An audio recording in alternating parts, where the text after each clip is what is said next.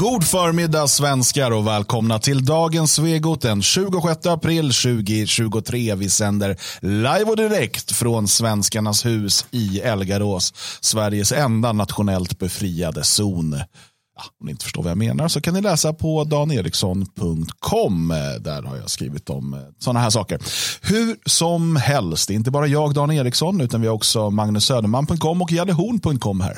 Ja, mycket punkter och kommar Jag, jag hade en kompis eh, när jag växte upp som vi kallar för Data-Micke. Ja. Eh, han var väldigt mycket en datornörd. Väldigt mycket. Mm. Han hatade sommaren för att det blev reflektioner på skärmen och sånt där. Mm. Eh, och det här var ju internets linda, liksom. det var 90-talet någon gång, men han var väldigt intresserad av internet och så. Så minns jag en gång vi var hemma hos honom, satt på hans rum, gjorde något med datorn, jag vet inte. Och sen skulle han ropa på sin mamma. Så, så, så här, mamma.com! och det var bara så här, det var så, kom så naturligt för honom. Det bara blev så. Han skulle väl säga mamma kom eller någonting. Ja, ja. Mamma.com. Ja, men jag kräver vara punkten och då får han vara kommen. Jag är kommen. Kommunisten. egen är jag Ja, du. kommer. Ja, för i helvete gosse. Det är Inte illa det här inte. Kommunisten eh, Magnus Söderman. Gud vad jag har saker att säga idag. Jag kände det nu när vi pratade här, eller när vi väntar på att komma igång. Att, Vi ska inte prata majblommor idag. nej, Det ska vi kanske göra imorgon. kanske, kanske. Vi, håller, vi väntar fortfarande in researchläget. Ja, vi, man ska akta sig lite grann faktiskt. Det, Ja. gör, det är ju väldigt få som gör det. Ja, nej, folk är snabba att säga saker. Eh, men det, bilden börjar klarna. Mm. Det och förhoppningsvis eh, har den klarnat ännu mer imorgon så att vi kan eh, ge er den slutgiltiga domen. Och oj, vad många kommer känna sig dumma när vi gör det. Eh, det hårda researcharbetet fortsätter helt enkelt och eh, några som inte har gjort så hårt researcharbete det är ju SVTs tittare.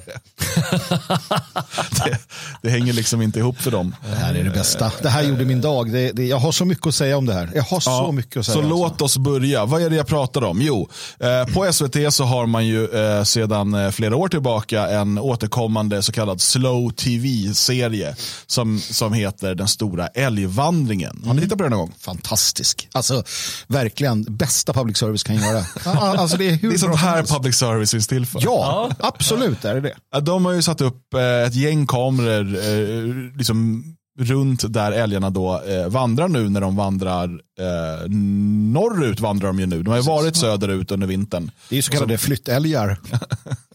Flytten, det är som få, ja, de, är inte, de är inte i Afrika, de är Nej, nej, de bara vandrar lite fram. lite, lite högre upp i Norrland. bara. Va, va, varför sticka till Afrika? Jag fattar inte. Nej, fan är man älg så det blir bron och sådär. Det är jobbigt. Men, eh, så det finns massa kvar, så man kan ju följa det här live. ja, så jävla bra. Eh, och sen eh, kommer ett highlights-paket ibland då och då. Och det finns ett studioprogram också, de sitter och diskuterar vad som händer just nu och sådär. Eh, det, det är ganska kul. Eh, det, är, jag kan, det är lite så här, har man sett det ett år? Jo, det är klart. Men det Alltså, är klart, det kan hända dramatiska saker. Eh, Jag hade tänkt att de skulle börja paintballmarkera de här jävla älgarna så man kan hålla på sin älg och så att man Just kan det, bygga någon grej kring på det. det. Ja. Kan, kan ingen eh, göra ett program sådana här gamla som de visar på julafton länge om de här japanska ankorna som ska ut ur kejsarens damm. Och så ska de, det har ni aldrig sett eller? Vet du vad han pratar om? Ja, men det är några ankor som, som föds i eh, kejsardammen i Tokyo. Så Aha. ska de ut och så är det ett jäkla äventyr hela Ja, nej, nej, vägen. inte sett. och ska de ut. Då kan väl göra sånt om älgarna Absolut, också. absolut. Så det är värsta äventyret den här älgvandringen. Geotagga, gör Saken är att det händer ganska dramatiska saker. De ska ju korsa eh, en del vatten och så. Eh, och eh, I trailern som de la upp. Eh, Trailern. ja men det är väl en typ av trailer? Ja, det är en trailer. Fast det, det är väl bilder från förra året antar jag då. Som Ja, att det det, sker ju nu så att säga. Ja, det har ju inte livesändningen. hänt, så att säga. Eh, då eh, ser man bland annat ett par älgar som så att säga går genom isen. Så isen spricker under deras fötter. Ehm, eh, vi de- kan väl eh, kolla på klippet här. Ja, ja. Låt oss göra det. Åh herregud! Nej! Älg! Ja, det, ja. Jävlar, det här är bäst of älgar genom vatten i ren och is. ja. Kom igen! I'm rooting for you. Jävlar vad han kämpar. Inga isstobbar här inte. Vi ser alltså älgar som går genom isen. Ja. Nu på SVT Play, den stora älgvandringen. Och det här har upprört människor. Hur kan ni visa detta det, så här? Och varför räddar ni dem inte? och, och så här, vi kan bara säga det att det vi ser på de här bilderna är alltså inte älgar som dör. Utan en del av den här årliga vandringen som älgarna har gjort i gud vet hur länge, eh, fram och tillbaka eh, med årstiderna, eh, är att de korsar vatten och ibland är det is, eh, ibland liksom de, de simmar och de, det, det är ganska spännande att se hur de löser det där.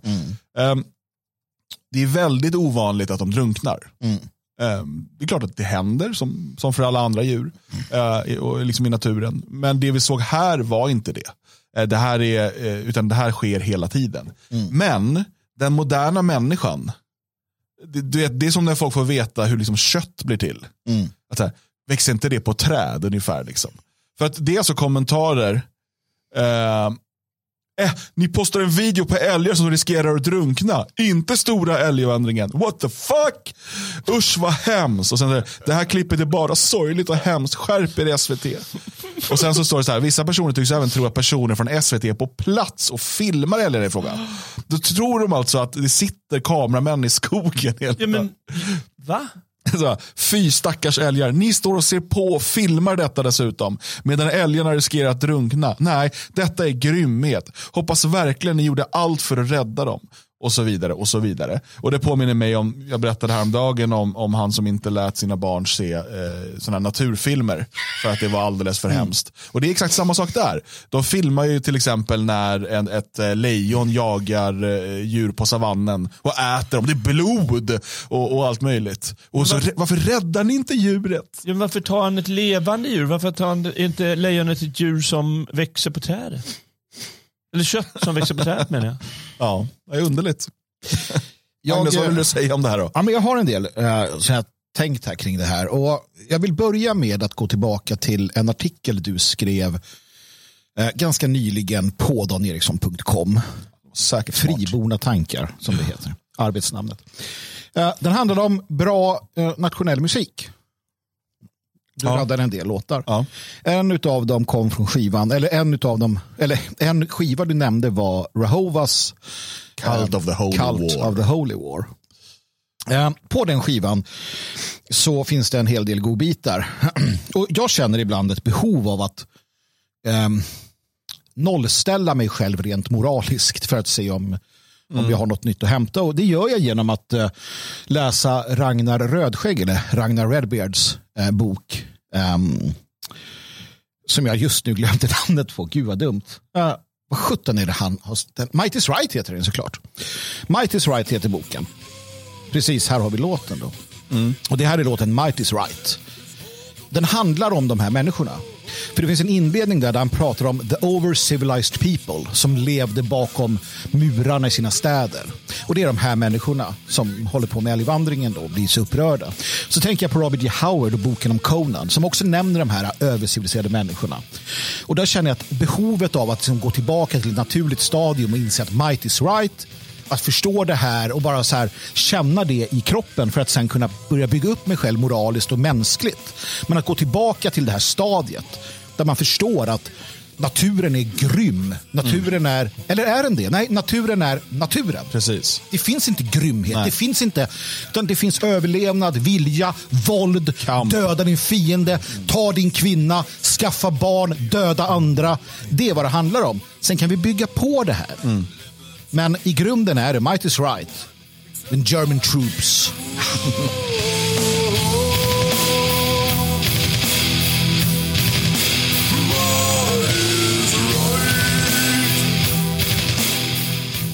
Mm. Ja. Ja, håller du med Jalle? Eh, Ja, det, alltså, jag vet inte om det, det har väl något med övercivilisation och så att göra. Man, man ser ju det här curlingsamhället och barnen får inte leka snöbollskrig eller de får inte leka polis och bov eller de får inte leka liksom, krig med låtsasvapen. De, de får inte göra någonting som, som får dem att känna någon form av, vad kallar vi det för? Beteende där man, där man är lite hård mot varandra. Utan allt ska vara så, så som de här värderade väggarna. Så ska allting vara. Våra värderade väggar i studion. Vi har aldrig berättat varför vi har dem. Eh, Nej, men det är sant. det, är sant för att, jag menar, det är inte så att vi ska bli djur och gå på alla fyra och bara så här, även om det kanske kunde vara befriande en period. Utan det handlar om att förstå varifrån vi kommer för att kunna lägga på rätt nivå av civilisation och rätt nivå av moral och rätt nivå av, så där vi pratade igår om att vi inte bara slår varandra på käften helt utan anledning och sådär. Men vi kanske borde slå varandra mer på käften. lite mer än vad vi gör just nu. Alltså lite mindre civilisering. Jag vet inte Dan Eriksson, du är, är du civiliserad? Eh, ja, alltså jag, har ju, jag är en anhängare av civilisation till, till viss utsträckning. Liksom. Eh, men men det, det här är ju ett problem att människor är så... Jag, jag, du vet, vi har pratat om det här behovet av att män gör eh, militärtjänst till exempel för att bli vuxna. Att det, fi- det finns en, en, någonting i det eh, som, som gärna skulle få komma tillbaka i ett eh, nationalistiskt samhälle. Eh, och jag tror att det skulle finnas någonting det fanns, man måste inte alltid gå till nazisterna för att hitta liksom inspiration, men, men, men de hade ju någon idé där också om det med arbetstjänst. Eh, och jag skulle kunna tänka mig eh, i, ett, i, ett, i ett framtida, uto, framtida utopi, liksom, nu, vi är så långt ifrån det här Ja, så det blir. Ja. det blir teoretiskt. Liksom. Men, men om vi utgår från ett framtida samhälle där vi har en hög grad av självförsörjning, många små eh, självägande bönder och sådär, ett, en sån samhälle som jag drömmer om. Ehm, så skulle jag gärna se att människor som inte arbetar i, där kanske gör eh, arbetstjänst på en bondgård eh, ett antal månader i livet. Eh, som en del av en utbildning. Alltså en del av förståelse för var maten kommer ifrån och för att få en grundläggande utbildning i liksom sådana saker för att själv någon gång kanske behöva ha den kunskapen. Eh, jag tror att det fyller flera sådana funktioner. Och jag menar ju att det bara är människor som är väldigt frånkopplade från naturen eh, som kan sitta och liksom bli upprörda och bestörta över ett klipp på liksom älgar som gör vad älgar alltid har gjort. Tar sig över vatten. För det är vad de gör i det här klippet. Det är liksom inte mer dramatiskt än så. Hade det varit så att de hade liksom lagt upp ett klipp på 300 halshuggningar av älg, ja, då hade jag förstått om man säger men det här är väl onödigt. Ja. Men det är inte det det. är lite dumt. Men, men eh, det är ju inte bara eh, det det beror på. Jag tänker att det i, eh, i, i en stad i någon pakistansk, eh, pakistansk stad. Där, de bott där i stan hela livet säkert. Eh, Och de har heller aldrig sett några älgar. Nej, det har de inte. på. Ja, nej, men de har väl inte sett andra vilda djur heller. Som de råkar ha i Pakistan. Eh, och eh, sen går de på gatan och ser de en hund och sparkar hunden. För de gillar inte hundar. Men de kan också ha eh, någon form av eh, ska jag säga, våldsamhet i sig, eller för, förståelse kanske för att ja, men djur är inte allt eller, eh, eller vad man vill. Ba, eh, det har inte bara med att eh, folk är inne i staden. Nej, nej. Utan det har ju någonting med vår sjuka samhälle där allting ska vara så ompysslat och allting ska vara så omvårdat och staten tar hand om oss varje dag. Och Snart så kommer någon he- hem och begär att man ska öppna munnen på en och sticka in en sked med ett ägg. Eller någonting. Utan det, det, liksom, det krävs också. Här, här, här vet jag en sak som ofta rör mig, eller gör mig jävligt sur. Ja, och det är folk som blir så in i helvete eh, emotionella för djur som far illa. Och nu tänker folk, vad fan säger han, en dum i huvudet? Ja, alltså, jag älskar djur, jag tycker att man ska vara snäll mot djur. Och, och Jag också så ska jag säga. Men, Jag, jag sparkar inte på hundar. men jag värderar människor högre än djur. Eh, när vita barn far illa så mår jag sämre än när någon jävla hund eller katt eller älg far illa. Men det jag ser är att vårt folk, de gör allt för små djur, men inte ett skit för sin ras. Eller sina, liksom, eh, liksom sina grannbarn. är inte det för att vi ser en oskyldighet i djur som vi inte ser i människor? Det är möjligt, jag vet inte varför. Men det, jag tror också att det finns en, en, en, alltså vi har gått ifrån en naturligare syn där vi förmänskligar djur och fördjurligar våra egna. Alltså vi, vi, vi, vi vet att vi borde ta hand om våra egna men det törs vi inte. Så då lägger vi allting på en massa djur istället. Um, och, och Jag tycker vi ska ta hand om djur. Jag är för, det, det är sorgligt att jag behöver säga det här men det sitter ju folk och kokar där ute nu. Um, jag, jag tycker att vi ska ha de strängaste lagarna i, i världen för djurskydd och så vidare. Och så vidare. Men djur är djur. Djur är inte människor. Eh, och människor är mer Modigt, värda modigt sagt än djur. Människor är mer värda än djur. Ja. Mitt folk är mer värda än alla djur på hela jorden. En, en vit liten unge är mer värd än kattungar. Kattungarna kan kastas i sjön om det handlar om kattungen eller en vit liten bebis. Mm. Ja, jag, det tror jag väl att de flesta håller med Nej, jag tror inte det. Tror inte? Jag tror inte att de tänker så. De vågar inte tänka så. Det är så hemskt att tänka så. Så kan man inte säga. Åh, de små söta kattungarna. Fan, skärp er. Ja, de skulle också behöva vara på en bondgård när det föds kattungar. Folk, Får de se vad som händer med kattungarna. Ja, men det, det, det är ju inte lätt eh, när man är, när man är helt alienerad från allt det där. Mm. Eh, Nå, någon berättade om eh, hur de, der, deras getter, ja men ena geten skulle föda. Och det blev problem. Och till slut så var så, ja, man var tvungen att sticka in hela handen liksom, Mm. och dra ut den där, ta, hitta hornen eller vad fan de har där inne och dra ut skiten. Mm. Och till slut så måste man ju övervinna, för vi har ju en massa konstiga spärrar på grund av att vi aldrig möter det där på något vänster. Mm. Eh, och bara skitsamma liksom. Eller som du säger, ja men fan nacka kattjäveln. Mm. Jag kan- aldrig glömma, var i en taxifärd en gång och så eh, körde taxin över en, eh, en katt. Vad hemskt. Ja, och så var jag tvungen att döda katten. Ja. För den var överkörd. Va? Taxin sket, han, sket, han bara körde iväg. Han sket, han, var, han gillade inte djur. Ja. och så, ja men det var ju liksom, fan, åh stackars katten. Och kom ihåg att det var någon som öppnade fönstret. Kan du inte stå, slå ihjäl den där katten någon gång? Men det Och det var liksom eh, den inställningen. Och det är liksom att man har de här spärrarna. Att nej men det här är något sätt det är klart att det kanske är heligt och så, men någon gång så måste man stöta på verkligheten. Ja. Stick in handen Du bara får och ett annat dilemma här Magnus då, från Mats i chatten. Ja. Ett somaliskt eh, barngäng som har tråkigt och en igelkotta. Men är du dum eller? Han sa mitt folk. Alltså, Du bara- tycker att de har rätt att döda den igelkotten för att de har tråkigt. Det var trams. Han pratar ju om... Alltså vadå? Det... Han måste ju skoja eller något. Eller så han... Det är ett litet skoj. Det är ett litet skoj. förbannad. Jag blir förbannad på sånt där. Jävla trams. Ja. Eh, nej, men sen är det skillnad också på landsbygd. Det är det utan tvekan bönder och eh, stadsmänniskor. Jag minns när jag flyttade hit första gången och vi hamnade i, eh, på Jörgen Rigers gård och där fanns det katter och allt möjligt. Ehm, och jävla bönderna, de hade ju inte alls det. När, när vi hade ett kattproblem. Eh, många katter. Bo- Bonden kom dit. Alltså han var ju helt, jag stod ju och bara, fy fan vad hemskt det här var. Bonden han gick ju runt som en jävla Terminator.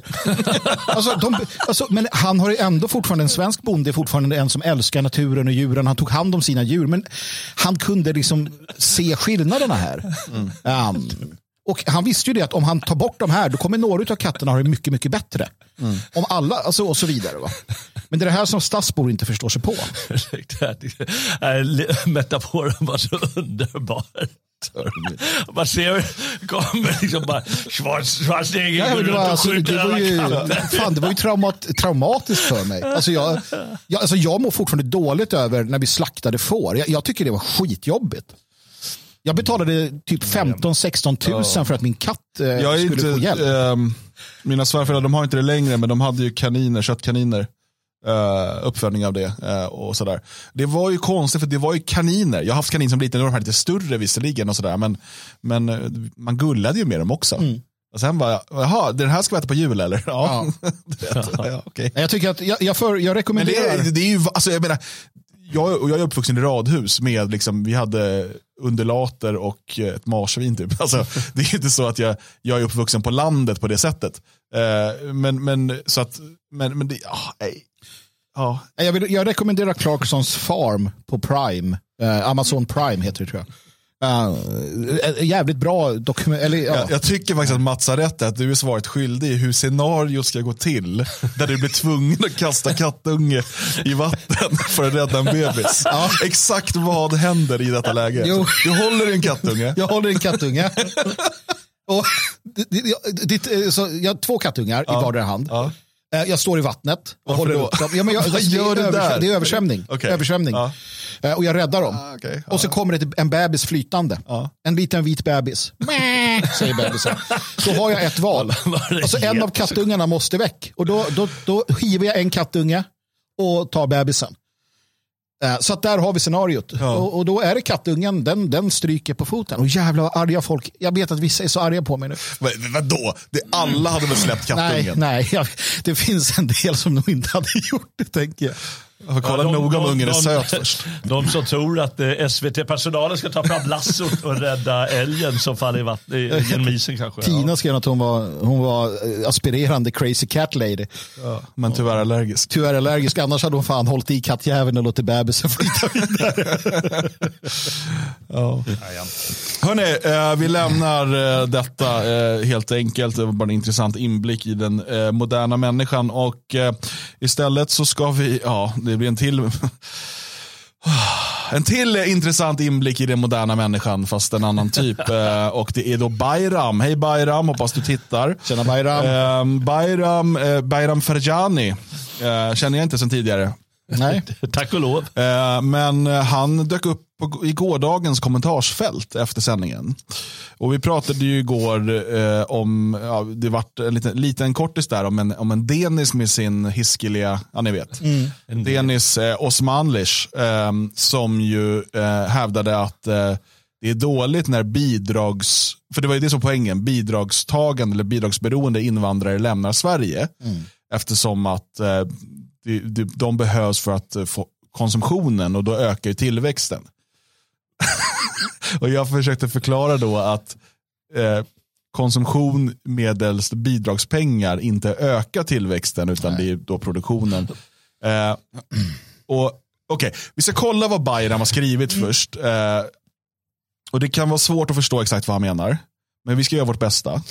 Eh, för att eh, eh, Bayram verkar nämligen lida av lite samma eh, sak som, som eh, Denis.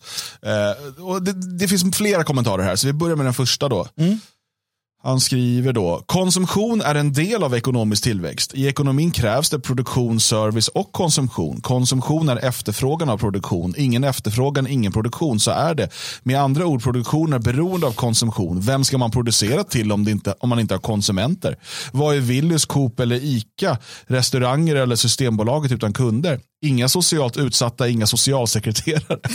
Inga kriminella, inga poliser. Inga arbetslösa, ingen arbetsförmedling eller a-kassa. Inga invandrare. Då varslar man anställda i Migrationsverket. Ingen post, inga brevbärare. Inga besparingar av pengar, då är det ingen bank. Inga gamlingar, ingen äldreomsorg i offentlig sektor. Inga sjuka, inga sjukhus. Det som Dennis Osmanic hävdar är konkret och logiskt. Det roliga är det hela att ni hånar han när ni själva vet att det han hävdar är sant. Ska Bayram rädda vår välfärd? För i helvete. Det här var det dummaste. Det här var det dummaste jag har hört i mitt liv. Bayram är väl humorist? Bayram. Jag tror egentligen att han heter Bosse eller sånt. Bayram, Bayram, Ba- jag vet inte. Ayran, det är en sån här turkisk yoghurtdryck va? Ja, den kan jag konsumera. Okej, låt oss ge Bayram rätt här i att, Nej. jo men om ingen konsumerar det som produceras så kommer inte heller något produceras. Nej, det, det, ja, eller det, det som de inte konsumerar kommer inte produceras. i alla Precis, fall. och om ingen konsumerar någonting, Då kommer ingen... ja, men teoretiskt sett nu så Ja. kommer då inget produceras. Nej. Nej, och det är helt sant. Men om, om de som producerar, de som skapar någonting. om du har tusen kronor Magnus. Japp, jag har tusen kronor. Och sen så eh, skapar du ett, ett ehm, jag vet inte, jag menar, du, ja, nej, du odlar tomater. Yes. Eh, Tomatoes. så du har, de vill du sälja för 500 kronor. Ja. Då går du till din granne och så ger du honom 500 kronor av dina tusen i Mm. bidrag. Och så köper han dina tomater. Tack, tack. Ja, ja. Jag kommer snart. Då har, Ja, då har ni haft en omsättning Ja, Ja, först på 500 dit, sen 500 tillbaka, så 1000 kronor i omsättning. just det, för jag får tillbaka min femhunka. Han har 500 i omsättning in och du har haft fem- 500, till- ja, sådär. Så ni, så ni har ökat omsättningen, kan man säga. Mm. Eh, var skapades ett nytt värde i den, i den här transaktionen? Han fick ju tomaten i alla fall. Han fick tomater, Ja. så du har färre tomater med lika mycket pengar som från början. Ja, precis. Ja, Du ja. gav honom bidrag, Jag gav honom bidrag. så köpte han tomater av dig. Ja. Då har han konsumerat det du har producerat. Och du har lika mycket eller lika lite som du hade innan. Ja. Sen har jag då minus Så omkostnaderna. vad du har gjort är att du har gett honom tomater. Ja, jag gav honom tomater. Fast, Precis. fast i en omväg då. Ja, nu, och nu ja. drog vi ner det här på två ja, individexempel. men då kanske Bayram fattar. Jag tror inte det. Nej, För jag försökte det här med honom. Nej är det, vadå finns det mer? det finns mer. Eh, och jag menar det här, det här bör alla förstå att ja absolut. Man, man producerar saker eller tjänster eller vad det nu än är och får och säljer dessa, då finns det någon som konsumerar dem. Och då med de resurserna kan du sen konsumera det du vill ha och så vidare. Det, det är inga konstigheter. Det själva, själva saken här var ju att det handlade om de som går på bidrag. Och att de inte ökar tillväxten, för det var det som var Denis med hans hiskeliga ja, poäng. Precis. Eh, Men det fattar inte Bayram. För, för Bayram menar ju också att det- om det inte finns några socialt utsatta då har vi inga socialsekreterare. Nej. Då är det ju de arbetslösa, det är ju Ja, dåligt. skandal. Och det var det här exemplet du tog upp som ett, nästan som ett skämt. Ja, Inga kriminella, inga poliser. ja han, han, han använder ju det. Det är dåligt för då blir polisen arbetslösa. Ja, hemskt. Ja. Om man inte har några arbetslösa då har vi ingen arbetsförmedling. Vem ska då, jobba- vad ska arbetsförmedlarna jobba med? Nej, det, Ja, alltså, det är ju... Och var, det är ju vart tar bidragen vägen då? Och det finns ju ingen som jobbar med a-kassan heller. Ja, det är ju hur Och har man inga invandrare då är det ingen anställd på Migrationsverket. Nej, då de krackelerar göra? ju det. Alltså, då, det är Har vi ingen kriminalitet heller? Nej, jag vet Kanske. inte hur vi, det här går inte. Vi måste ju... så att ju mer kriminalitet vi har, desto bättre. Ja, självklart. Det skapar ju arbetstillfällen. Ja. och det är ju det här, och det är ju, alltså, man måste, återigen, som jag sa med, om Denis, man måste ju vara så oerhört korkad, alltså för det är så grundläggande ekonomi. Ja. Det här är ju det här är inte ens högstadienivå för att förstå. barn. Ja, om man bara förklarar det. eh, Ja. Ja. någonstans där. Jag tror att när IQn går, eh, du vet, den ökar ju med åldern till en viss gräns. Eh, någonstans runt, ja, men efter lära sig knyta skorna så förstår man väl detta. Ja, det tror jag. Och jag försöker då förklara det här, eh, men jag gör det lite en- enklare då. Adam producerar kött, Eva producerar mjölk. Adam säljer kött mot pengar så han kan köpa mjölk av Eva. Mohammed däremot skapar ingenting så Eva och Adam måste ge honom pengar varje månad så han överlever. Sedan går Mohammed och köper mjölk och kött av Eva och Adam. eh, Utan att ha producerat någonting men med pengar han har fått av de som producerar. På vilket sätt ökar det tillväxten? Och så frågar jag om bidrag ökade tillväxten, varför inte bara ge alla pengar så slutar vi jobba och, sen, ja, och så vidare.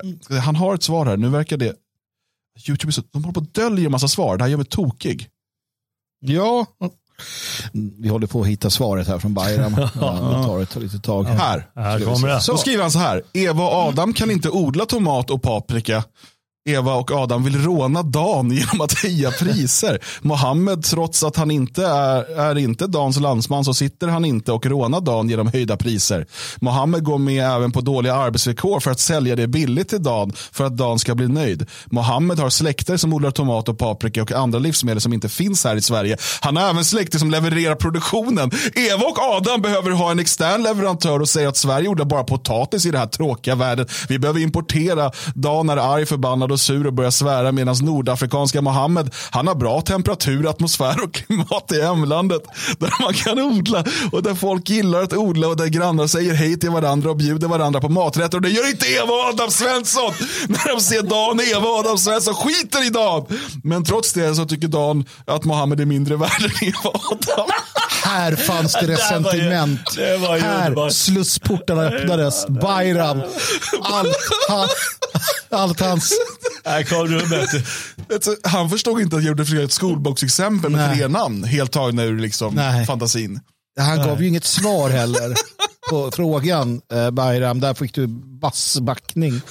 Men det är inte det här som Gud. kallas näthat. Jag vet inte. Bayram. Han är väldigt arg på klimatet. Det är fan bara potatis i det här landet. Ja. Tråkiga landet. Ja. Jag förstår fortfarande, Ja, det, fanns, hälsar. hade bringades ju överhuvudtaget inte någon klarhet i de ekonomiska spörsmålen. Här. Det här tråkiga vädret, Bayram, ja, det kan vi hålla med om. När det Han blev så oerhört kränkt av det där inlägget. Ja. Ehm, Och Dan och Eva och Adam, de, var, de är så jävla elaka. ja, de bara, Ja. dåliga Ja, så- arbetsvillkor till Ja, det- Mohammed. Men Mohammed, Men de Ja. gav ju pengar till Mohammed. Ja, fast Fan, det- jag trodde att de var lite schysst i alla fall. Så han kunde köpa tomater eller vad han nu skulle köpa. Och sen fortsätter han då. Ja, Jo, ja. Fan, Det är går väl ingen tvekan att har man fått jobb med rimliga arbetsvillkor på vit, då ska man tacka ja till jobbet och jobba och inte sitta och överväga att leva på jävla bidrag. Detta ska man göra inte för bara samhällets skull utan för även egen skull. Och bästa har man inkomst, då har man mer självständighet att bestämma över sin egen ekonomi och hur ska man hantera pengarna samtidigt som man bidrar till välfärden med skatt. Lever man på bidrag då är man beroende av kommunen och staten. För att kunna bli självständig så krävs det först och främst självständig ekonomisk tillgång. Sen dagen vi har ett system i Sverige där man har högst diskriminering på arbetsmarknaden i EU. Mohammed har kompetensen, söker en tjänst. Trots hans utbildning, erfarenheter och kompetens så scrollar man bort Mohammed för hans namn och ger tjänsten till en som heter Erik Svensson som har inte ens kompetensen och erbjuder honom upplärning. Istället för man antar att Erik låter svenskklingande namn är lika vit som ens chef och antar med sina fördomar att Mohammed hade gjort sämre jobb och Mohammed låter som en arbetstagare som förespråkar konflikter. Det finns även lönediskriminering och usla arbetsvillkor för migranter, löner som inte ens du själv hade kunnat gå med på. Jag har svårt att tro att Mohammed hade övervägt bidrag än att få en inkomst. Jag har träffat många som scrollades bort i rekryteringsprocesser på grund av sitt namn och fördomar och även fått avslag på grund av sitt efternamn. De hade betydligt högre kompetens än den som har fått tjänsten. Man scrollar bort kompetenser på grund av fördomar och erbjuder tjänsten till icke-kompetenta. Icke-kompetenta i sin tur ska fatta beslut och lagar som påverkar både mitt och ditt liv. Alltså, jag måste bara gå in här Bayram. Bayram fattar inte inte vad vi pratar om va? Nej, men jag tror att Bayram, är- han, så här, Bayram tänker och sen så bara låter han det så här komma ut. Uh, Bayram, gör så här. Uh, lär dig så här, strukturera en text. Tänk vad, vad vill du ha sagt. Använd gärna punkter och kommatecken. han får inga jobb eh, trots att han har en fantastisk kompetens. Kan det bero på att hans, eh, arbets, hans ansökningar ser ut så här? Ja, men precis. Sen, sen känner jag lite att han approprierar din fantasi. Han hävdar att Mohammed har kompetens. Jag menar att i din fantasi om Mohammed, Adam och Eva, så hade inte Mohammed kompetensen.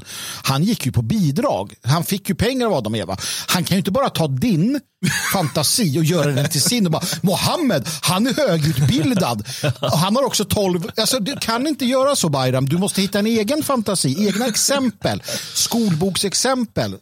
Men det gör inte Bayram, utan Bayram ordbajsar som vi kallar det i Sverige. Ja, jag, för mig är en sak eh, klar och eh, när jag är arbetsgivare så jag ska inte uttala mig något om Mohammed men jag kommer aldrig att anställa Bayram. Det kan jag lova. Han har, han har bevisat varför. Ja, nej, eh, Bayram, i alla fall inte, Och sen fortsätter den här då. ja. Eller ja, det, det här kom innan eh, svaren. Men för han, han skrev två stycken initiala kommentarer. Det här var hans andra initiala kommentar. Så är det en till tråd då. Mm. Ni pratar om produktion. Vad producerar Sverige förutom trä och vapen för att folk ska dö i krig? Det enda man kan odla här är potatis. Man kan varken odla tomat eller paprika. Allt är konsumerat av saker som är importerat. Man konsumerar kött, livsmedel, kryddor, tobak, till och med ladd och cannabis är från utomlands. Från Colombia, Nordafrika, Afghanistan, till och med kristendom är från Mellanöstern. Jesus har aldrig hetat Svensson i efternamn. Han var från Mellanöstern. Även Abraham, Abraham han är från Ur, från Irak. Och ja, konsumtion skapar ekonomisk tillväxt. Det räcker bara att se hur många butiker vi har i Sverige och hur många restauranger vi har i Sverige. Man gillar det färdiglagade och man lagar inte själv maten i Sverige så ofta. Den där var ju underbar. Det är så här, från A till Q utan någonting emellan. Ja, ja, visst. Skönt att han blandade in Jävla ur. skön logik han har. Han bara tog en gammal civilisation från Ja, ja. jättelänge sedan och bara i ur. Ja, Abraham han är från Ur. Min sam, glöm aldrig. Glöm aldrig detta. Att Men alltså, hur, återigen, eh, jag har sett någon, det var någon som skrev här, Bayram försöker resonera och han behärskar svenska. Det finns många som är värre, det finns svenskar som är sämre på att skriva än han. Nej. Bayram personligen är inte vår fiende. Nej, inte vår fiende. Men Bayram är ett exempel på en riktigt jäkla korkad människa. Jo, sen skulle jag vilja säga en sak där att du har helt jävla fel. En främling som befinner sig i Sverige är en fiende. Sen kan du behandla dem lite olika. Men att du slutar se främlingar som är i Sverige som fiender är ett, en väg mot eh, att acceptera eh, den typen av, eh, alltså att acceptera förändringar. Men- men- Alla främlingar men- på men alltså, svensk jord är återigen. Men den här människan tror på allvar att bidragstagare bidrar till tillväxt för att de konsumerar. Mm. Eh, Det, det är... Ja, okej. Jag blev... Då, då, då orkade jag inte längre. Så jag kanske skrev, fått lära sig i svensk sosseskola. möjligt. Jag, jag skrev då, så jag orkade inte en gång till. Nej. Så jag skrev, det är ett problem att ens IQ sjunker av att försöka läsa dina kommentarer. Det, för det, var- jag tänkte på det, det är sant. Du blir dummare av att läsa det här. Och då svarade han här, eh, han verkade inte förstå in, att jag sa snälla skriv inget mer. Han skriver då, allt har orsaker och konsekvenser, det handlar om logik och myntan har alltid två sidor.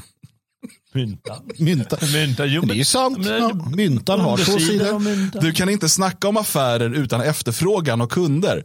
Produktion är beroende av efterfrågan, det vill säga konsumtion, det vill säga kunder. Finns det inga kunder så finns det inga affärer. Ju mer efterfrågan blir högre än produktion, ju mer höjs priserna. Ju mer inblandade aktörer är inom affärerna, leverantörer och säljare, ju mer avgifter ökar. Han borde lära sig ju och desto känner jag, för att jag är väldigt förvirrad av detta. Ju, Eh, ja, okej. ja, precis. Det där kan bli I jobbigt. 2023 är det lite annorlunda. Produktionen behöver säljare. För att säljare ska få sälja produktionen så behövs det leverantörer. Men först och främst kunder, det vill säga efterfrågan konsumtion. Man konsumerar inte bara livsmedel, varor utan även musik, tobak, service och lotter. Om konsumtion av lotteri hade inte funnits då hade man inte ens lyckats sälja lotteri. Myntan har alltid två sidor och ni vill blunda för ena sidan. I eh, Lyftarens guide till galaxen så skickar man ut, de hittar ett rymdskepp som, är drift, som driver runt i rymden. Och, ja, det visar sig att det är fullt med, med hårfrisörskor och telefonförsäljare tror jag. Eller om det bara var telefonförsäljare, för det insåg civilisationen de inte behövde. Men, men, Jag känner att eh, Men det- Bayram kan det- sitta där. Men det här är ju, återigen, det är ingen som har sagt, vi sa inte att det som produceras inte behövs konsumeras. Vi sa att om man konsumerar med bidrag som man har fått av de som är produktiva, alltså de som arbetar, de som producerar någonting, så bidrar det inte till tillväxten. Och vi tog det här väldigt enkla exemplet med Eva, Adam och Mohammed. Det förstod han inte, för då började han prata om hur vädret och klimatet och diskriminering. Eh, irrelevant för liksom sakfrågan, eh, hur, hur sant eller falskt det än är.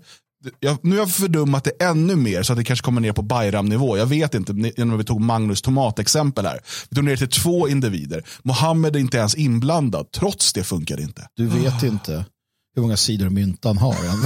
och du, jag tycker det är för jävligt att du hänger ut den här killen. Här har du en, en, schysst invandrarkille från Akropolis som försöker att föra ett resonemang på en sida. Han går ut med namn och bild och, och så. Men, men hur fan kan du stå här Dan och hänga ut honom?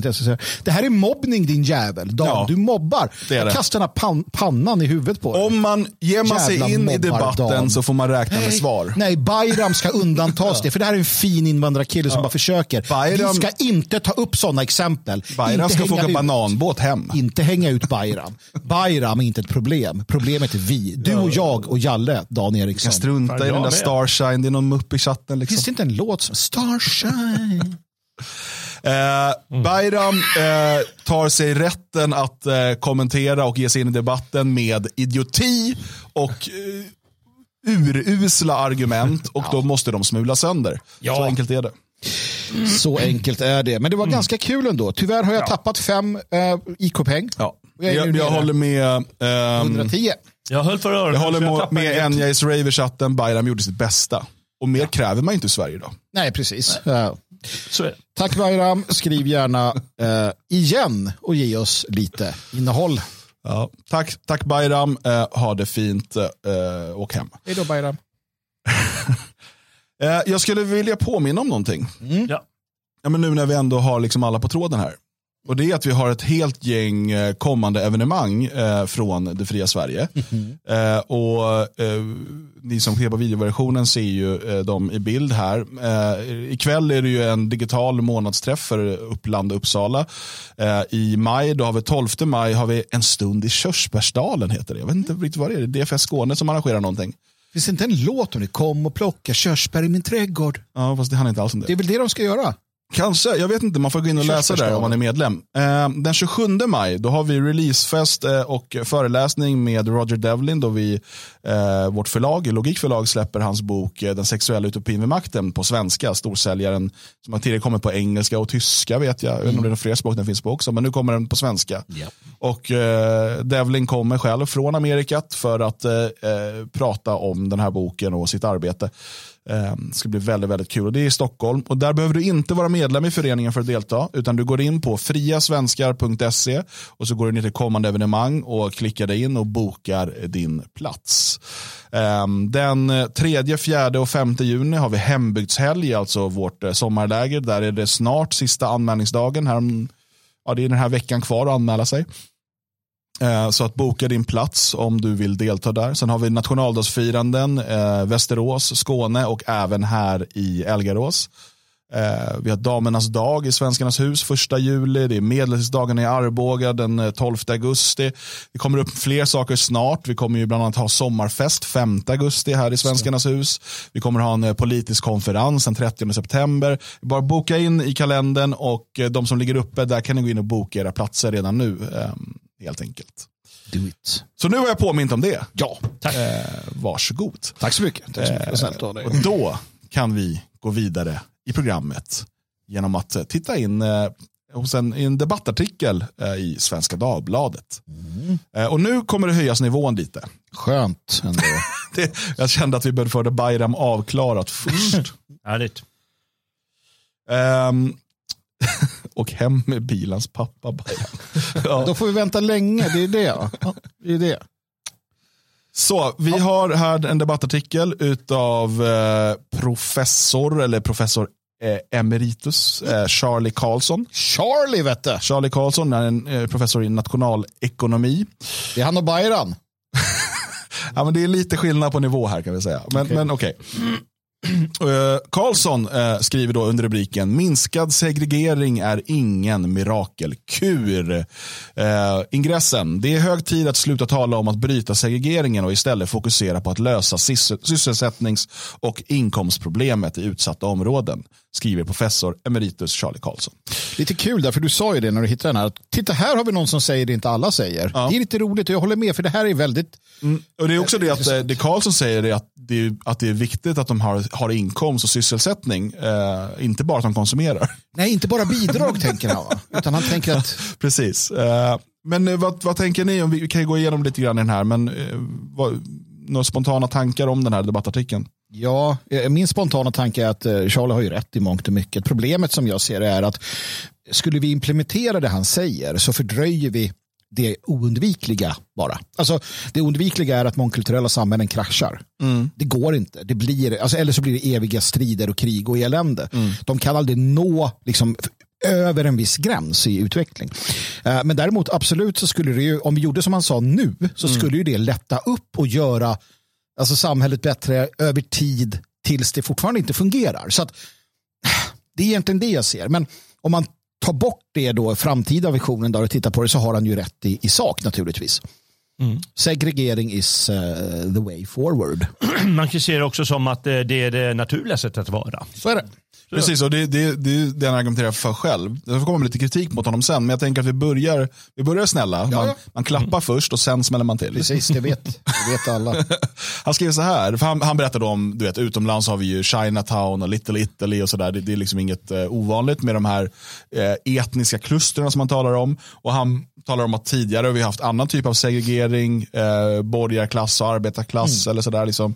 Um, sen skedde ju liksom ett, uh, man har försökt att bygga bort den segregationen också med halvdana resultat.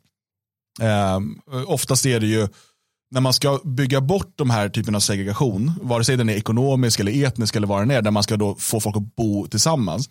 Det brukar ju funka en generation ungefär. Mm. För att sen segregera sig människor ändå mm. om, efter olika liksom, mm. linjer. Eh, och det, det är helt naturligt. Och det han skriver då, varför uppstår då etniska kluster? Det är självklart guld värt när man flyttar till ett okänt land att hamna i ett område där man har släkt, vänner eller åtminstone personer man känner samhörighet med etniskt, språkmässigt, religiöst och så vidare. Där kan man få information om boende, jobb, livets olika nödvändigheter, hur samhället fungerar med mera. Redan det räcker för att man genom att bo på den platsen upplever högre välfärd jämfört med andra platser i landet. Efterhand som det etniska klustret växer ökar fördelarna av att bo i klustret. Då skapas underlag för etniska matvaruaffärer, restauranger och kaféer, klädaffärer och så vidare. Därigenom ökar välfärden hos de som bor i klustret. Fortsätter tillväxten av klustret ytterligare skapas underlag för egen moské, egen kyrka, egen friskola, egna organisationer med mera. Detta höjer välfärden ytterligare för de som bor i klustret och klustrets attraktivitet stiger för hushåll som tillhör den aktuella etniska gruppen. Det här är på ett sätt självklarheter, mm. men det här är också exakt det som, som vi har sagt under så lång tid. Ett, det är absolut inget konstigt eller fel i att invandrare som kommer till Sverige vill bosätta sig med andra ur deras egna etniska grupp. Eh, Framförallt inte eftersom att vi sedan 75 har en politik som säger att, att invandrare ska behålla sin kultur och den ska uppmuntras också genom bidrag och så vidare. Alltså bidrag till organisationer och sånt som, som, och religiösa organisationer. Och sånt. Det är den politik som, som regeringen Palme och som hela riksdagen var överens om att Sverige skulle föra 75. Man gick ifrån assimilationspolitik som ju kräver en väldigt liten invandring för att fungera till en integrationspolitik eller en liksom mångkulturell politik. Och eh, vi ser samma sak var, vi än, eh, liksom, var man än placerar en, en större grupp eh, liksom etniska främlingar. Det kan vara svenska pensionärer på spanska solkusten. Ja, plötsligt dyker det upp affärer som säljer kaviar och så vidare. Det är inga konstigheter. Eh, när jag bodde i Berlin så bodde jag eh, ett tag i Wilmersdorf, ganska nära Svenska kyrkan. Där fanns det en svensk affär. Där bodde det ganska mycket svenskar. Eh, där låg också Svenska skolan eh, och så vidare. Inga konstigheter. Eh, nu är Sverige och Tyskland så pass lika att det, liksom blir, det blir knappt sådär. Men eh, eh och så här har det funkat i alla tider.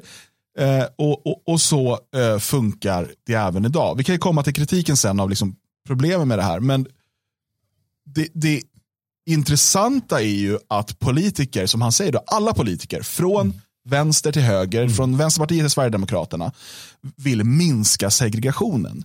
För de har någon typ av övertygelse om att de kan skapa en ny människa. Att de kan eh, ta alla de här etniska grupperna, de hundratals mm. etniska grupperna som lever i Sverige nu och på något sätt då mischmascha ihop de här eh, vi liksom tvångs, liksom, bosätter dem i samma områden, sätter dem i samma skolor eh, och så ska vi skapa en ny människa. Eh, det är den sovjetiska tanken, vet, den nya sovjetmänniskan eh, med ett, liksom, ett gemensamt språk, en gemensam värdegrund, en gemensam världssyn.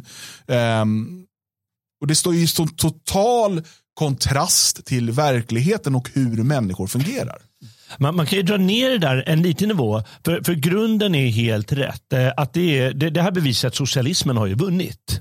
Eftersom alla partier följer dess devis. Eh, nämligen att ah, nu ska vi ta den här idén och vi ska göra det här över hela samhället och vi ska ha stora lösningar som ska göra, som du säger, människan, att hon ska fungera. En ny sorts människa. Mm. Och det har ju socialismen, eh, särskilt i, i kommunistiska länder då, som eh, Sovjet, de har ju flyttat folkgrupper mm. hej vilt. Och som, som vi sa, Socialdemokraterna har gjort jättemycket för att eh, klasserna, då, olika yrkesgrupper så ska ska eh, mischas, eh, mm. eh, blandas ihop eh, så att eh, ja, men då får vi ett bättre samhälle på något sätt, eh, tänker de.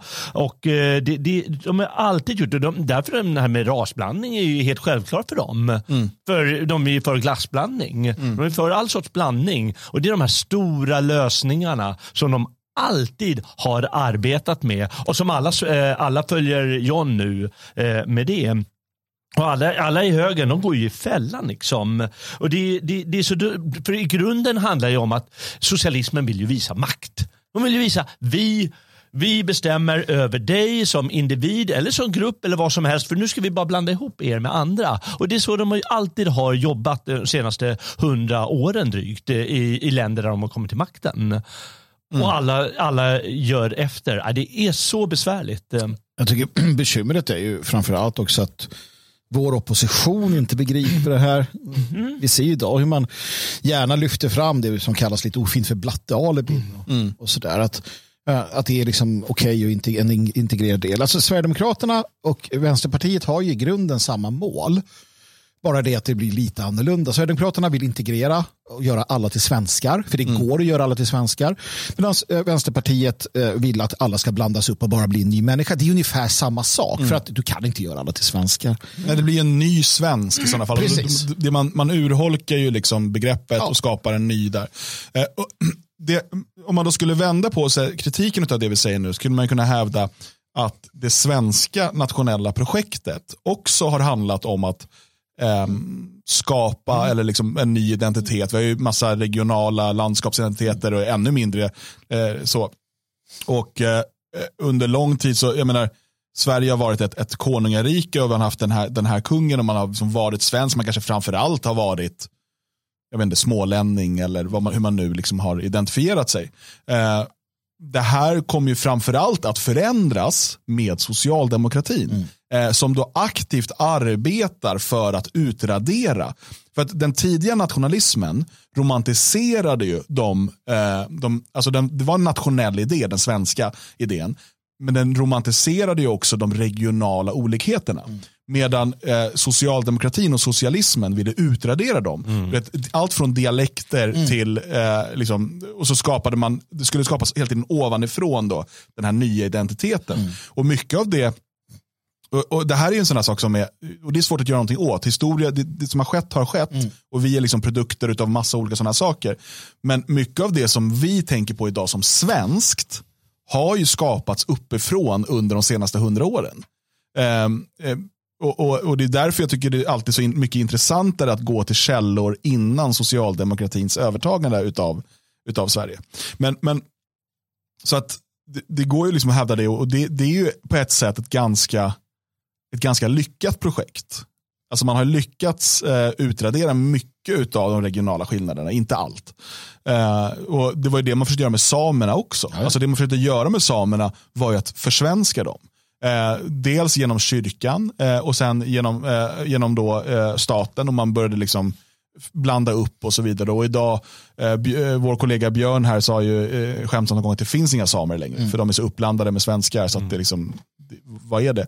Eh, och det finns ju en, ett ganska stort korn av sanning i det. Eh, och det har varit en medveten liksom, politik eh, ifrån staten. En, eh, en kul grej i sammanhanget, man ska inte alltid gå till nazisterna för att... eh, Ja, vi har gjort det två gånger nu. Jag känner att, Jag måste göra det för jag, jag tog del av en eh, sån här agita, agitator och propagandistutbildning som nazisterna hade till sina egna. Då. Man så hade ju, himla gammal. ja, ja. Ja, men man hade ju licensierade talare såklart så att de, de som åkte runt och agiterade var licensierade av partiet och hade gått igenom utbildningar. Och, så. Eh, och där visade det sig att det man gjorde var att man, man sa ett, du ska behålla din dialekt. Och sen såg man till så att olika dialekter var i olika eh, vad heter det, delstater eller hur det såg ut på den tiden. Ja. Så att en bajrare han åkte upp till Brandenburg i norra Tyskland och höll tal och sådär för att folket skulle fatta att vi är ett folk trots allt. Så att de gjorde tvärtom mot vad man gjorde i Sverige. Då.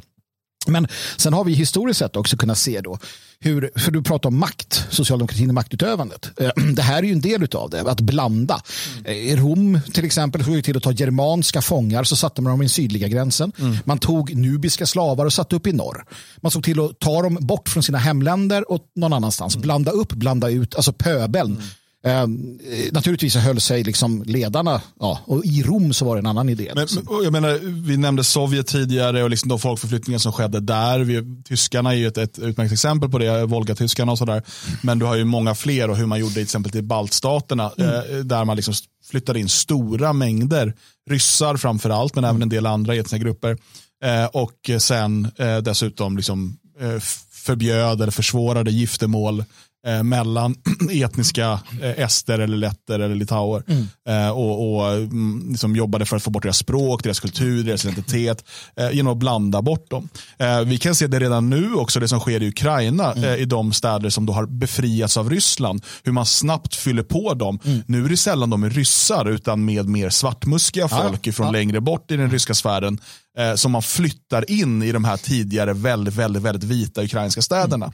I ett sätt att liksom, för omöjliggöra att de här städerna blir ukrainska igen. Och även om de blir det så kan ju inte Ukraina fördriva hundratusentals mongoler som Putin har Så det placerat här, är- men det här är ju en taktik, det är en taktik som, som har använt och det är, inte, det är lika gammalt som, som liksom den, den krigsföringen som själv nästan. Ja. Men, men en, en grundläggande taktik är också hela tiden eh, retoriken. Eh, ofta är det ju rättviseretoriken eller att det blir ett bättre samhälle eller att folk mår bättre. Att de hela tiden eh, pratar om sånt. Och därför är det ganska befriande med, med den här inställningen som han har i alla fall, eller hans eh, slutsatser, eh, Charlie. Att eh, nej men det där är bara, det är bara larv. För deras välfärd eller deras upplevelse av välfärd är högre än eh, du som bestämmer. Eh, För, Precis. för du tycker bara man ska goja för dem. För de vill hellre kanske ha tekniskt sett en lite lägre välfärd eller en annan sorts välfärd. För de vill ha den gemenskapen eh, det kan väcka. Eller, Den tryggheten det finns i att liksom, du, du kan identifiera dig med dem du ser på gatan. Mm. Det här gäller ju svenskar också. Det här är ju varför vi pratar om att skapa svenska områden. Mm. För att och det, det, det är det som, som man måste förstå. Om du flyttar till eh, ett område som eh, skapas av och för svenskar, som till exempel det vi gör i Elgarås, om du till exempel bor i, vi säger att du bor i Stockholm nu, du bor i, i Vällingby. Eh, och, och, ja, du kanske kommer få gå ner i lön. Du kommer få ha mindre pengar att röra dig med. Men din upplevda välfärd, om vi gör det här projektet på rätt sätt, kommer vara högre. Och som han säger, ju större det etniska klustret blir, desto mer högre upplevelse av välfärd har du. Självklart. Precis. Och, och här till exempel, när vi har gjort det så kommer inte igelkottar bli torterade. För det är ingen som accepterar det. Till skillnad från andra platser där det är det roligaste som finns. För att de är inte som vi. Och, och, och Det är ju hela saken. Så det finns ju så mycket mer än bara ekonomi i detta. Hur man lever, hur man, hur man beter sig mot andra människor, andra levande varelser. Hur man kör bil, hur man, hur man är aktsam om den gemensamma miljön. Hur man eh, källsorterar, hur man pratar med varandra. Hur man, allt det här ingår ju i detta. Eh, och det är klart att, att eh, chassidiska judar i London gärna vill bo på, i Volvo City. För att där är de bland sina egna som Ja, ja. ser ut likadant och doftar, lika, eller luktar likadant eller vad de nu gör. Va? Ja, men, men det här är, det är så självklart. Och det, vi kommer tillbaka till det när vi pratar om de här älgarna. Alltså, det är som att eh, de, de politiker och så som pratar om det, att vi måste bryta segregationen och så. De har ju också helt förlorat kopplingen till naturen, till det naturliga. Till liksom, hur fungerar människor egentligen? Om ni släpper er ert liksom gudskomplex där ni ska hålla på med er sociala ingenjörskonst och skapa en ny människa. Och funderar, hur fungerar människor om vi låter dem bestämma själva? Ja, de allra flesta, återigen, vi pratar på makronivå, du kan alltid hitta individer som gör annorlunda. Men på makronivå så kommer människor bosätta sig eh, med människor som de kan identifiera sig med, där de känner sig trygga och de känner igen sig. Eh, det, det är helt naturligt. Eh, och det är det här då att med social ingenjörskonst försöka bryta detta. För att man har en ideologisk övertygelse, som sagt alla åtta partier i riksdagen, om att det här ska på något sätt då utraderas och istället ska man då skapa en ny gemenskap. Och, och då kan Sverigedemokraterna kalla den för svensk eh, och svenska värderingar. Eh, eller så kan Vänsterpartiet kalla den för en, en solidarisk värdegrund eller vad som helst. Det spelar ingen roll, det är samma idé om att du inte ska låta människor göra det som känns naturligt för dem och riktigt och så som människor alltid har fungerat. Utan att politiker ovanifrån ska istället då eh, beröva dem den här identiteten och skapa en ny åt dem. Problemet blir ju det som eh, Charlie här då, um, det, det, alltså i hans samhälle så han missar ju de etniska aspekterna. Ja, precis. För att, vi kan komma till det för att ehm, han, han fortsätter ju argumentera här för att eh, det är liksom ehm, människor, och även undersökningar och forskning visar att människor till och med när de börjar tjäna mer pengar i de här socialt utsatta områdena, de allra flesta vill ändå bo kvar. Trots att de har råd att flytta därifrån. För att det, varför skulle de vilja bosätta sig? Och det, det är också så rimligt. Varför? Bara för att okay, du kanske kan få en finare lägenhet, finare hus. Men du bor plötsligt med människor runt dig som du inte delar traditioner med, som du inte delar eh, liksom, religion med. Som du inte, varför skulle du vilja det? Ja, ett fåtal vill det. Men det vanligaste är att man ändå vill stanna kvar för din upplevda välfärd och trygghet är högre. Så, eh, så, då, så vi kommer då till vad, som, vad problemet här. Eh, och det är ju, han är ju nationalekonom och det är alltid ett problem i sig. eh, och eh, han, eh, så hans, hans syn på allting är ju det ekonomiska. Han har den dimensionen. Och det här är ju varför när man ska försöka förstå saker så behöver man ha människor som är duktiga inom olika fält. Behöver intersektionalitet kanske. um, han skriver så här. Tvärtom vad våra politiker hävdar leder inte minskad segregering till en minskning även för de problem som de utsatta områdena brottas med i form av lägre utbildningsnivå, kortare medellivslängd, högre ohälsotal, lägre arbetskraftsdeltagande, högre arbetslöshet och så vidare. Detta av det enkla skälet att dessa problem inte beror på var folk bor. Det finns inget orsakssamband, orsakssamband mellan var folk bor och dessa allvarliga samhällsproblem. Inga av de aktuella problemen löses genom allt tal om att skapa blandstäder för att bryta segregeringen. Hushållen visar genom sitt beteende att de inte vill bo blandat eftersom de uppnår högre välfärd genom att bo i kluster. Vill man lösa de aktuella problemen krävs att de på allvar prioriteras och att det utvecklas anpassade riktade åtgärder för de olika klustren. Att tro att man löser problemen genom att flytta på människor är en chimär. Våra politiker måste äntligen ta till sig att hushåll oberoende av bakgrund uppnår högre välfärd av att bo nära andra hushåll de känner samhörighet. Det är hög tid att sluta tala om att bryta segregeringen och istället fokusera på att lösa sysselsättnings och inkomstproblemet i våra utsatta områden. Forskning från bland annat Entreprenörskapsforum visar att en majoritet av de utrikesfödda i utsatta områden saknar självförsörjning och att med all sannolikhet i avsaknad av kraftfulla åtgärder inte kommer att vara självförsörjande resten av livet. Självförsörjningsproblemet försvinner givetvis inte om man flyttar dessa individer till andra bostadsområden för att, som politikerna säger, bryta segregeringen. Detta problem beror inte på var dessa individer bor utan på brist på för dagen dagens arbetsmarknad relevanta utbildningar, färdigheter och yrkeserfarenheter kombinerat med ett bidragssystem med marginaleffekter som gör det mindre lönsamt att arbeta. Det som istället behövs är plats och individspecifika utbildnings och praktikinsatser med syfte att höja kunskaperna och färdigheterna hos dessa individer så mycket att de kan bli självförsörjande kombinerat med en justering av bidragssystemets marginaleffekter. Jag fick nästan ont i huvudet.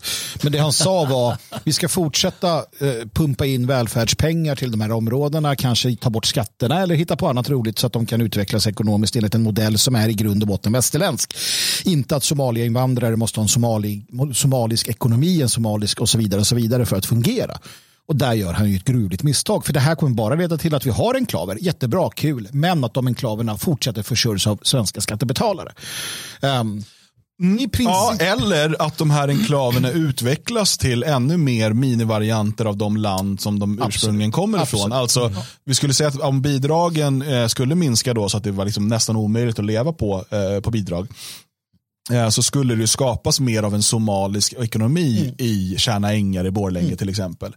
Eh, det skulle se ut mer som Somalia. Man skulle få med ännu fler av de problem som man har i Somalia. Mm. Vi ser ju redan liksom, vissa delar att det är så, men det hålls ju uppe av bidragen och liksom att det inte blir den, den typen av misär eller vad man ska kalla det för, uh, ur vår synpunkt i alla fall, som, som man kan se i, i Somalia. Uh, men det är just det här, han är, han är ekonom.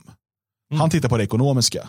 Så han, han tittar inte, han pratar inte, han är inte eh, mikrobiolog eller, eller molekylärbiolog men, eh, eller liksom genetiker eller rasforskare eller, eller, eller eh, sociolog Nej. och liksom pratar kultur eller, eller sådär. Utan eh, han, han är, eller socialantropolog eller vad man kallas ja, tiden. Eh, utan han, ehm, han tittar ju bara på det rent ekonomiska. Och ur det rent ekonomiska perspektivet, om det inte fanns några andra faktorer så har han ju rätt. Mm. Ja, ja. Alltså, problemet är att de här människorna inte är självförsörjande. Så hur kan de bli självförsörjande? Ja, genom att de får relevanta utbildningar och att det inte är värt för dem att gå på bidrag. Mm. mm.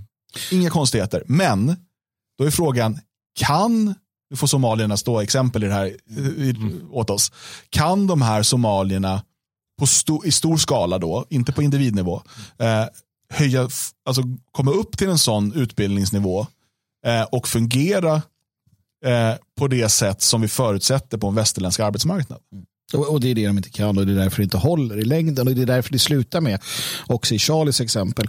För att eh, när de här enklaverna då inte kan längre få bidragspengar och så liknande för att det inte finns för att resurserna är ändliga, ja, eh, då kommer de börja se efter hur de ska kunna få eh, upprätthålla sin standard och då finns det andra områden i närheten som man istället, så får man helt enkelt ta sin stam och gå över och försöka kriga med dem och ta det man behöver som man gjorde i Somalia eller på andra ställen. Ja, och då får vi den här, det är balkaniseringen och det är inbördeskrigen och det är liksom kampen om resurserna och så vidare. Och det är det som väntar också i Charlies samhälle. Men jag ger Charlie det att det kanske dröjer då ett par hundra år extra innan det krackelerar fullständigt. Mm. Lite beroende på övriga faktorer i vår värld. Ja. Och, och jag ger dem också rätt i att eh, man ska inte tro att man kan hålla på att flytta människor. Mm. Man kan, åh nu tar vi den där invandrargruppen och så sätter vi dem i Elgarås. Mm. Då blandas ju alla och så blir det ju fantastiskt. Mm. De kommer lära sig svenska, de andra kommer köpa den här kebaberna och, mm. och så, så som de tänker på, mm. på sossecentret på Sveavägen. Så, så, det får man ändå också ge honom. Man kan inte hålla på att flytta människor. Eh, eller, eller att man ska sätta dem i skolor. Åh, vi bussar dem till skolor. Mm hålla på att flytta människor, det är ju sjukt. Mm. Ja, och, eh, och det enda vi ser är som sagt att det, det, det ger en kortvarig effekt av ett mer blandat samhälle, vilket de ju ser som ett självändamål. Då. Men så fort, eh, så fort man sen får möjligheten, och framförallt nästa generation, att segregera sig så gör man också det. Eh, det, det, är bara att titta, när, när eh, Tensta, eh, det moderna Tensta byggdes eh, så var det majoritet svenskar som bodde där. Eh, också ganska mycket finnar. Med tiden så kom mer och mer eh, utomeuropeer och under 70 och 80-talet så började det liksom där förändras. Och ganska snart så var man ett superblandat samhälle. Mm. Det som händer då är att svenskarna, när de får chansen, flyttar därifrån i stor utsträckning. Medan då nya invandrare från de här grupperna som kommer till Sverige säger men jag vill ju bo i Tensta för där bor de som är som jag. Och så sker det naturligt. Vi hade, det var blandat. Och sen när folk får möjlighet att välja så segregerar de. Sen kommer man, försöker man då att tvångsblanda de här grupperna igen. Det kan vara svenskar och araber eller vad som helst, men det kan vara som två grupper. Och så gör man det. Och sen så går tiden och så segregerar de sig. Det är, det, det är helt naturligt. Och det, Ja. det är därför varje gång som en politiker säger vi måste minska segregationen, varför då? Varför då? Det, det är liksom frågan som Jimmy Åkesson, om han hade verkligen stått på svenskarnas sida. För varför ligger det i svenskarnas intressen att integreras med icke-svenskar i Sverige? Nej, och, och det ligger ju inte ens in det. Alltså utlänningarnas intressen ligger ju inte Nej, men jag tänker på att Jimmy ska Ja, på något sätt företräda precis. svenskarna. Liksom. Nej, men det problemet är att eh, in, utlänningarna fattar ju det här bättre än svenskar i många fall. För Mm. att de, de är ju ofta, alltså de, de, de ser till att bygga sina områden och sina enklaver och ha sin religion och ha sitt språk. Svenskarna går ju ändå där någonstans och är lite dumma i huvudet. ehm, kan jag tycka.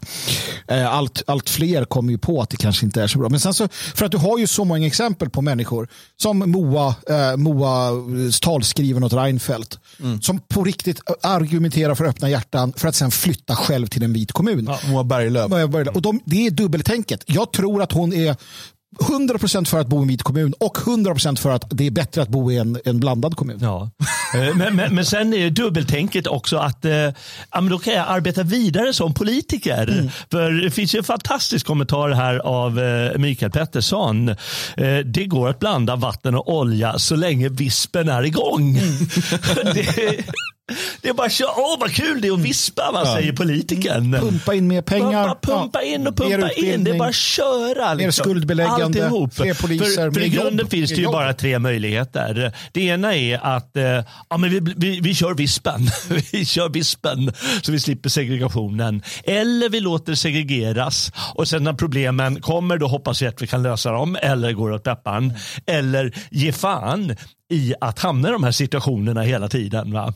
Och, och, och Vi har ju tyvärr misslyckats eh, kapitalt på den tredje punkten. Och hoppades, politikerna hoppades ju att det skulle gå med multikulti och blandning och, och, köra vispen hela tiden. Och då har vi ju återigen, ah, det var ju för att de skulle driva vispen och tycker det är så jävla roligt. Och så är det med cementblandaren. Ja, nej, så är det. Och, eh, det jag såg en kommentar, Car- Carola skrev, då får man ha somaliska skolor, turkiska skolor etc. Och det har vi till viss del redan idag. Det finns ju den eh, typen av både friskolor och sen kommunala skolor som blir det, eh, bara av demografin. Och det är ju precis det, alltså så länge de här människorna, alltså alla de här olika nationerna ska finnas i Sverige, så eh, är det ju åt det hållet vi kommer gå. Och eh, det vi ser, och, och jag menar vi som har, har till viss del åtminstone upplevt mångkulturaliseringen av Sverige, eh, gått från att liksom se ett ganska homogent Sverige till det där idag.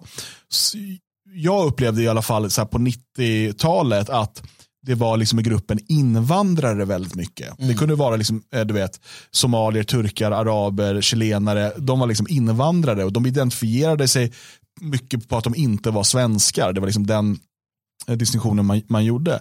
Medan med, med, med, eh, nu när de här grupperna har vuxit sig, vissa av dem har vuxit sig väldigt stora och starka, så blir liksom den nationella identiteten eh, Alltså inte, det är inte en invandraridentitet utan kanske då en turkisk identitet eller en, en, en somalisk identitet. Då. Alltså att de, de, och det ser man på de områdena också. Ehm, att områdena blir mindre och mindre blandade också när det gäller de olika invandraretniciteterna. Mm, mm utan det skapas kluster i invandrarklustren. Oh ja, oh ja. Mm. Eh, och dessutom konflikter mellan, mellan dem här. Och eh, det är liksom helt naturligt att, att det som följer på det här är ju, och det som vi ser, vi har eh, persikan, det ligger i Stockholm, va? Det är persiska eh, äldre, mm. äldrehemmet. Och att vi kommer få se liksom, skolor, vi har mat, matbutiker, åk till de här invandrarområdena, gå in i de här butikerna. Det är ju som en Marrakeshmarknad. Eh, det, det du, du kommer inte hitta eh, liksom, eh, sill där inne. Liksom. Mm. Det kan men, du glömma. Utan, och det är, för det finns ingen efterfrågan och de, liksom, de bygger för sin grupp. Ja. Det, det, är, det, är, alltså, det är inget konstigt med det. Det som är problemet det är att svenskarna i allmän, eller svenskarna i synnerhet kanske, men även svenska nationalister har inte fattat att vi måste bygga våra kluster, våra etniska enklaver. Vi måste också segregera oss. Eh, utan istället ser jag svenskar som påstår sig vara nationalister som låter sina barn medvetet växa upp i mångkulturella områden när alternativ finns. Alltså, och jag, jag, ser, jag förstår inte eh, resonemanget bakom det. Jo, men här har jag ett så fint jobb. Okej, okay. Eh, men, men ser du inte vilken framtid ni går emot? Och deras barn blir, man liksom får höra deras barn blir rånade i skolan, de blir liksom, eh, utsatta för svenskfientliga övergrepp på olika sätt. Men de väljer ändå att bo kvar för att de ska ha sitt fina jobb i den fina staden och så vidare. Eh, istället för att då eh, segregera sig och, och, och faktiskt bidra till att bygga svenska enklaver. Mm. Sen, jag tycker också att man ska, det är också lite orättvist, vi ska väl nämna det här med eh, att aid borde vara en röd dag. Ja. Uh, och, och, det är ju ett högst berättigat krav. Alltså, ja. Alla de här kraven som utlänningarna kommer med muslimerna, de är högst berättigade. Jag förstår inte varför folk blir arga. För det säger sig självt. Det här måste ni förstå. Om vi bjuder in, och vi som, som kollektiv, svenskt kollektiv, vi har bjudit in hundratusentals främlingar. Våra politiker har stått internationellt på engelska och sagt det. Vi har inte revolterat, vi har inte gjort någonting. Några få av oss absolut, och ni behöver inte känna skuld. Men som, som generellt svenskt folk har vi inte gjort något åt det. Vi har tyckt att det är en bra idé. Bjud in, bjud in, bjud in. Och så kommer de här stackars människorna då från Mön och allt möjligt. Och, och så här, ja, men schysst, här får vi en ny värld. Och sen säger de att men nu är vi här, alltså vi vill gärna Alltså vi, vi tänker inte ge upp oss själva. Varför skulle de göra det? Och de blir många. Då vill de ha sin mat. De vill ha sin religion. Högst berättigat. Mm. Det är bara att fortsätta att ge bort till dem. Det är det enda rätta. Vi har ju tagit hit dem med premissen. Ni behöver inte ens bli som, som oss. Mm. Vad fan ska vi börja bråka nu? Mm. Ja, det kan Återigen, hela riksdagen var överens 1975 och 99 eh, procent av svenskarna som röstade gick och röstade på dem efter att hela riksdagen var överens om att Sverige skulle bli en mångkultur, om att invandrare inte ska behöva anpassa sig, om att svenska skattepengar ska gå till att upprätthålla invandrares kultur. Svenskarna gick eh, och röstade på dem eh, 76, eh, nej 78, mm. 82, 86, 90, mm. 91, det var ett treårsval där ett tag. Ja, det var ett tag där. Men, nu. men alltså, senast gjorde vi det nu. Senast så röstade majoriteten av svenskarna fortfarande på partier som, som är för detta. Mm. Det är liksom, jag menar jag som individ har aldrig röstat för det. Jag har varit emot hela tiden. Mm. Men 99% av svenskarna röstade på de här partierna på 70-talet, på 80-talet. Det kom ett litet avbrott med Ny Demokrati mm. som var någon typ av populism liksom 91. Eh, och sen dröjde det fram till 2010 innan liksom ett, ett ganska då försvagat, förlamat Sverigedemokraterna kunde få 5%. Och, och, det... och sen ska svenskarna nu sitta och säga, nej men nu ska, ni får inte vara muslimer. Ja, men ni, har ju, ni har ju gått och röstat ja. på det varenda jävla val. Taskigt att komma nu. Liksom. Ja. sen, sen har vi det, menar, det var jättestor debatt med Sven, eh, Sven-Olle Olsson från, från Hör. Alltså det var jättedebatt, hela Sverige visste om det och han sa att det här kommer hända. Alltså, alla visste om det, de som tittar på Aktuellt. Eller de, debatt, det har varit många debatter i svensk television om det här. Det har varit invandringskritiker under många år, 90-talet, 80-talet. Du har en film med, med Janne Loffe Karlsson eh, på svensk tv där, som är en sån storproduktion där han är någon i främlingsfientlig typ och så. Eh, så att, att, att det har funnits de här problemen, kom inte att säga att inte man har vetat om det. Man har bara man skitit i det. Man, man har bara skitit i det. Jag, jag, jag, kan ta min svärfar som ett exempel i Tyskland. Ja, ja. Um, när uh, jag träffade honom första gången 2011 2011, eh, så ja, vi hamnade, han är intresserad av politik och sådär. Och jag började prata lite om de här problemen mm. och liksom vad vi upplevt, så här, för att jag var ju politiskt engagerad och så. Eh, och han var, ah, men det där, han röstade på sossarna då, SPD. Mm. Eh, det där är ju liksom, det är ett storstadsproblem. Det är liksom, det, det, de håller på med Berlin och Hamburg ja. och sådär, ja. men liksom, det, det, det, är inte relevant för mig här. Uh, och liksom, de flesta jobbar ju och sådär. Du vet, och turkarna är ju bra för de jobbar och sådär. Jaha, okej. Okay. 2015 kommer hans lilla eh, pittoreska by i Thüringen får plötsligt eh, tusen eh, så kallade flyktingar, mm. asylsökare. Mm. Eh, och den närmaste staden, Eisenach, eh, börjar mer och mer se ut som Berlin. Mm. Oh, AFD, varför har ingen sagt något? Ja. jag pratade med dig innan det här skedde. Då, jag, jag sa till honom också. Du sa att det bara är ett storstadsproblem. Ja, men det har alltid bara varit ett storstadsproblem. Ja, okej. Okay. Så att eh, gör om, gör rätt. Alltså, det, det, är viktigt att förstå hur historien har, hur vi har hamnat här och det är därför folk måste komma till rätta med att jag har min del i detta. Sen är det inte så att du är för evigt förbannad för att du har gjort en massa dumheter. Det är ingen som känner så. Men gör om, gör rätt och gör fan mer än vad du gör. Eh, liksom, du måste eh, investera mer. Du måste ropa ut från hustaken. Faktiskt, om, om du har liksom varit en del av det här så är det bara. Um, för att, för att um, det, det det, det, är en framtid vi måste bygga tillsammans.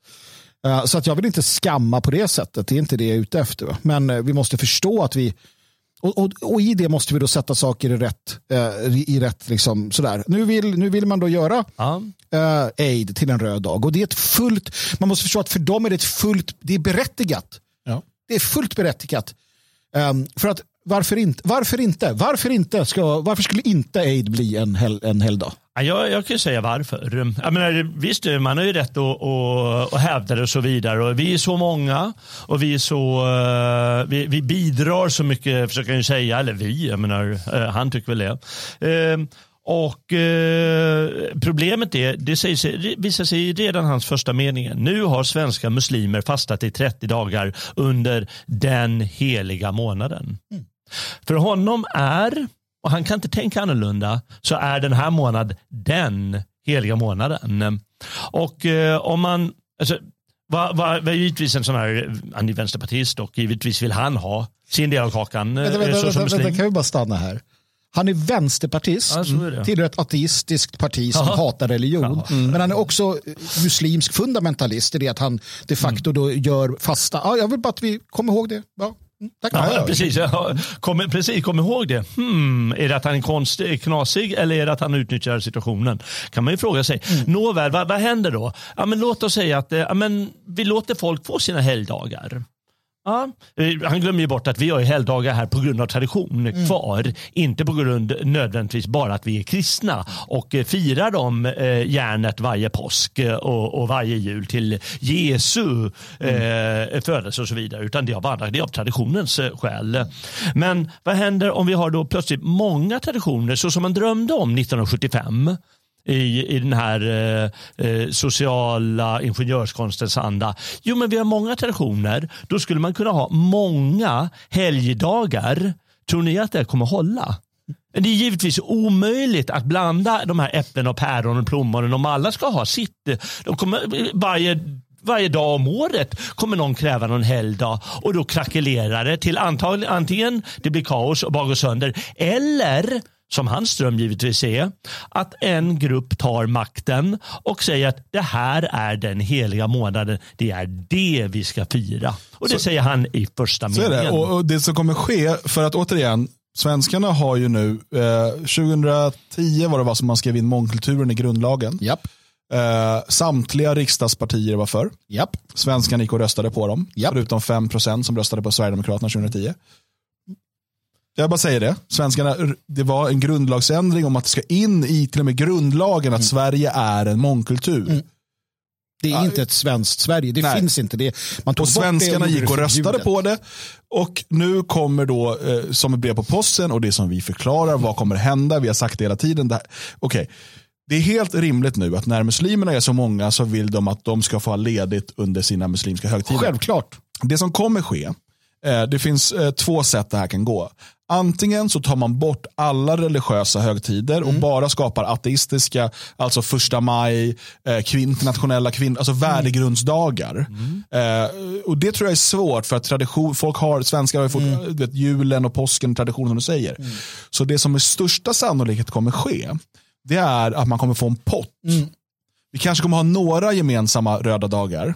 Eh, FN-dagen, Ja, mänskliga dag. Men att de, de som är kopplade till till exempel påsk och jul, eh, de blir en del av en pott som du istället kan välja. Eh, antingen kan du välja om de lägger in att du får välja ramadan eller eh, jul, men det tror jag inte. Nej. Utan du får kanske tio dagar, som du får seme- fler semesterdagar. Helt enkelt. Eh, och Det här är ju återigen en sån sak som, som eh, professor Charlie Karlsson hette han va? Som han inte tar med i beräkningen. Det är ju vad händer i de här balkaniserade samhällena. Eh, ja, det ligger kanske i, vi vet vad som händer på Balkan och då är det ändå relativt närstående folk med lite muslimsk inblandning. Eh, men det som händer är att du slår sönder gemenskapen i samhället. Du får det här polariserade samhället som inte håller ihop. Eh, vilket också gör att eh, du får de här konflikterna. Och ett, ett samhälle som ska vara under gemensam kung eller gemensam regering eh, som har olika religioner är ju som vi vet inte en nationalstat, det är en typ av imperium. Eh, och de här imperierna får alltid de här inneboende etniska konfliktproblemen. För att eh, och, och när en grupp växer sig ännu starkare så kommer de kräva mer inflytande. Sen får man någon typ av Libanon-lösning och vi kommer få se liknande i, jag vet inte om just i Sverige, men i andra europeiska länder också, där vi kommer ha etnisk kvotering för som representation i parlamenten, så som man har gjort i Libanon efter att muslimerna växte sig väldigt, väldigt starka.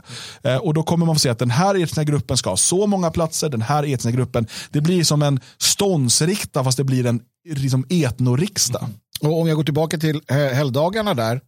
Så um, din, den här med potten där, det är nog det som, det, det som det har man pratat om redan. Uh, och herr och fru Svensson kommer applådera detta för man kommer sitta hemma och så här. jag tror inte på den där kristna typen i alla fall. Nu kan jag ha längre semester. Det här var jättebra. Så kan de där tokigarna ha sin ramadan och äta jag gris är gott. Så kan svenska CPn, majoriteten av dem, fortsätta med det. Så får de längre semester och tycker det här är skitbra. För de ser inget värde i en tradition. Varför ska vi fira påsk? Jag tror inte på det här ändå. Och de kommer tycka att det är en bra idé. Precis som de tyckte det var en bra idé att rösta på de här partierna i 40, 50, 60, 70, 80, 90, 100 år. Ja. Och det kan tyckas så här, åh gud, det här var inget kul. Nej, det är inget kul. Därför vi som tänker annorlunda måste skapa en egen plattform, ett eget, en egen plats, vårt egna. För att det finns inte. Det här gamla Sverige finns inte. Det kommer inte tillbaka. Eh, det är bara att hacka i dig det. Mm. Ja, nej. Och därför segregera mera. Det är ju liksom, det, det, är det vi har. Och det enda, eh, liksom, vi måste segregera mera. Vi måste fokusera våra krafter, våra resurser för att växa och starkare. Och det här kommer ta tid.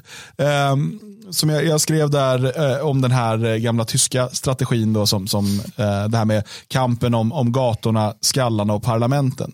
Eh, och eh, det, det, det här är, det är fortfarande den strategin som gäller. Och det är inte den gamla tyska som i nazisterna, utan det handlar om en, en dokumentär av eh, Sveriges Radio reporten Kristoff Andersson i mitten på 00-talet. Han har besökt MPD och liksom lyssnat till deras. Och då, då är det alltså kampen om gatorna, skallarna och parlamentet och varför de måste ske i den ordningen.